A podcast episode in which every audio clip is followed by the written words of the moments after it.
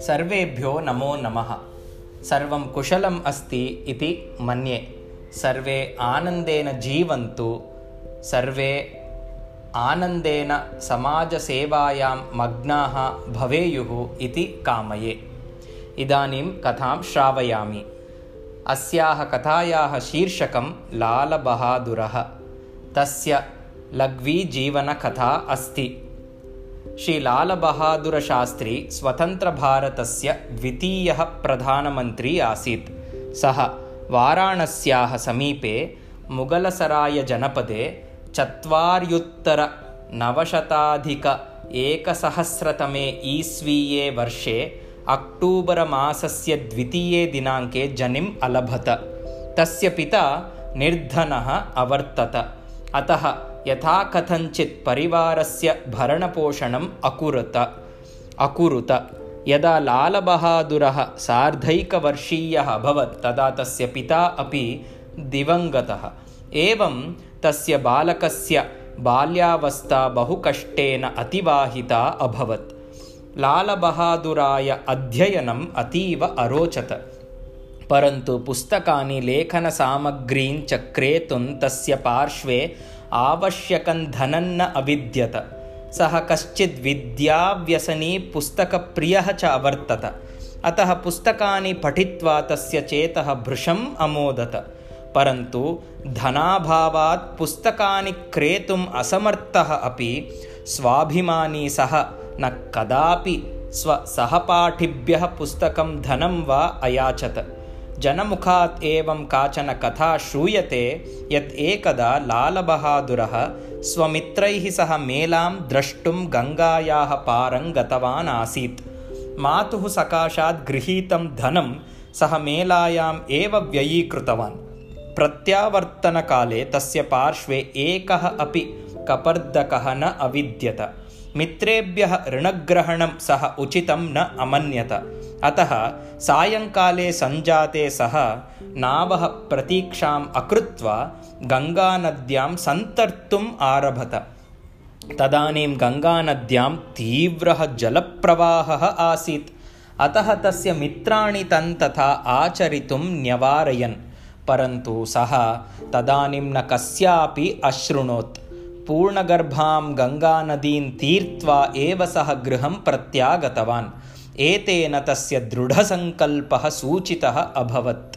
सूचितः भवति। वस्तुतः लालबहादुरस्य जीवनं दुःखातेव प्रारभत। एवं हि श्रूयते यत् यदा सः केवलं मासत्रयस्य शिशुः आसीत् तदानीम् एव काचित् दुर्घटना अजायत। लालबहादुरस्य माता रामदुलारी माघमेलावसरे गङ्गास्नानार्थं प्रयागं गतवती आसीत्। गङ्गास्नानानन्तरं नौकया गृहप्रत्याग गृहप्रत्यागमनसमये लालबहादुरः मातुः हस्तात् नद्याम् एव अपतत्। माता रामदुलारी चिन्तितवती यत् तस्य पुत्रः गङ्गायां न्यमज्जत् इति परन्तु यम् ईश्वरः रक्षति तं कः अन्यः मारयितुं शक्नोति? अन्यस्मिन् नावि उपविष्टः कश्चन कृषकः तं मज्जनात् अरक्षत्। अनपत्यः सः बालकं लालबहादुरं स्वगृहं नीतवान्। परन्तु सर्वं तथ्यं विज्ञाय सः दिनचतुष्टयानन्तरं रामदुलार्यै लालबहादुरं प्रत्यर्पितवान्। भारतमातुः पराधीनतां दृष्ट्वा लालबहादुरः व्यथितः आसीत्। अतः विद्याप्रियः अपि सः षोडशवर्षदेशीयः विद्यालयीयं नियमितम् अध्ययनं परित्यज्य महात्मागान्धिनः आह्वानेन असह् असहयोगान्दोलो असहयोगान्दोलने भागम् अकामयत। तस्मिन् आन्दोलनक्रमे सः कारावासम् अपि प्राप्तवान् ततः प्रभृति सः अन्यैः देशभक्तैः सह देशस्य स्वतन्त्रतायै निरन्तरम् आङ्ग्लशासकैः अयुध्यत। लालबहादुरः अतीव विनम्रः सत्यवादी कर्मठः समाजसेवकः आसीत्। स्वतन्त्रतासमनन्तरं सः भारतीयरेलमन्त्रिमण्डलस्य कार्यभारं गृहीतवान् सप्तपञ्चाशदधिकनवशतोत्तर एकसहस्रतमे च वर्षे सः गृहमन्त्री अविद्यत।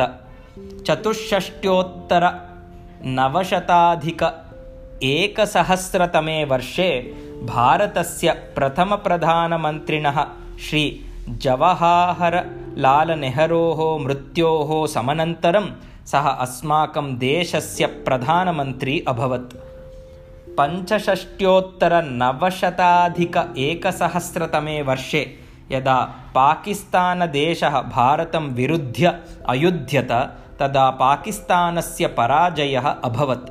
पाकिस्तानस्य पराजयानन्तरं यदा सः सन्धिवार्तायै रूसदेशस्थे ताशकन्दनगरे अवर्तत तदा हृदयगत्यवरोधात् तस्य मृत्युः अजायत। एतेन भारतस्य राजनीतेः आधारस्तम्भः अकम्पत। एवं समाप्तम्। एतां कथां पठित्वा प्रेरितोऽस्मि। अस्माकं पूर्वजाः आदर्शपुरुषाः एव आसन्।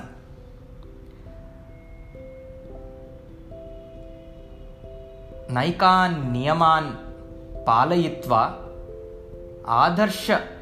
आदर्शजीवनानि आदर्शजीवनं कथं भवेत् इति ते दर्शितवन्तः। अतः वयं सर्वे धन्याः एव। एवम् उक्त्वा कथाश्रवणं समापयामि। सर्वेभ्यो मम नमस्काराः। भूयो भूयो वदामि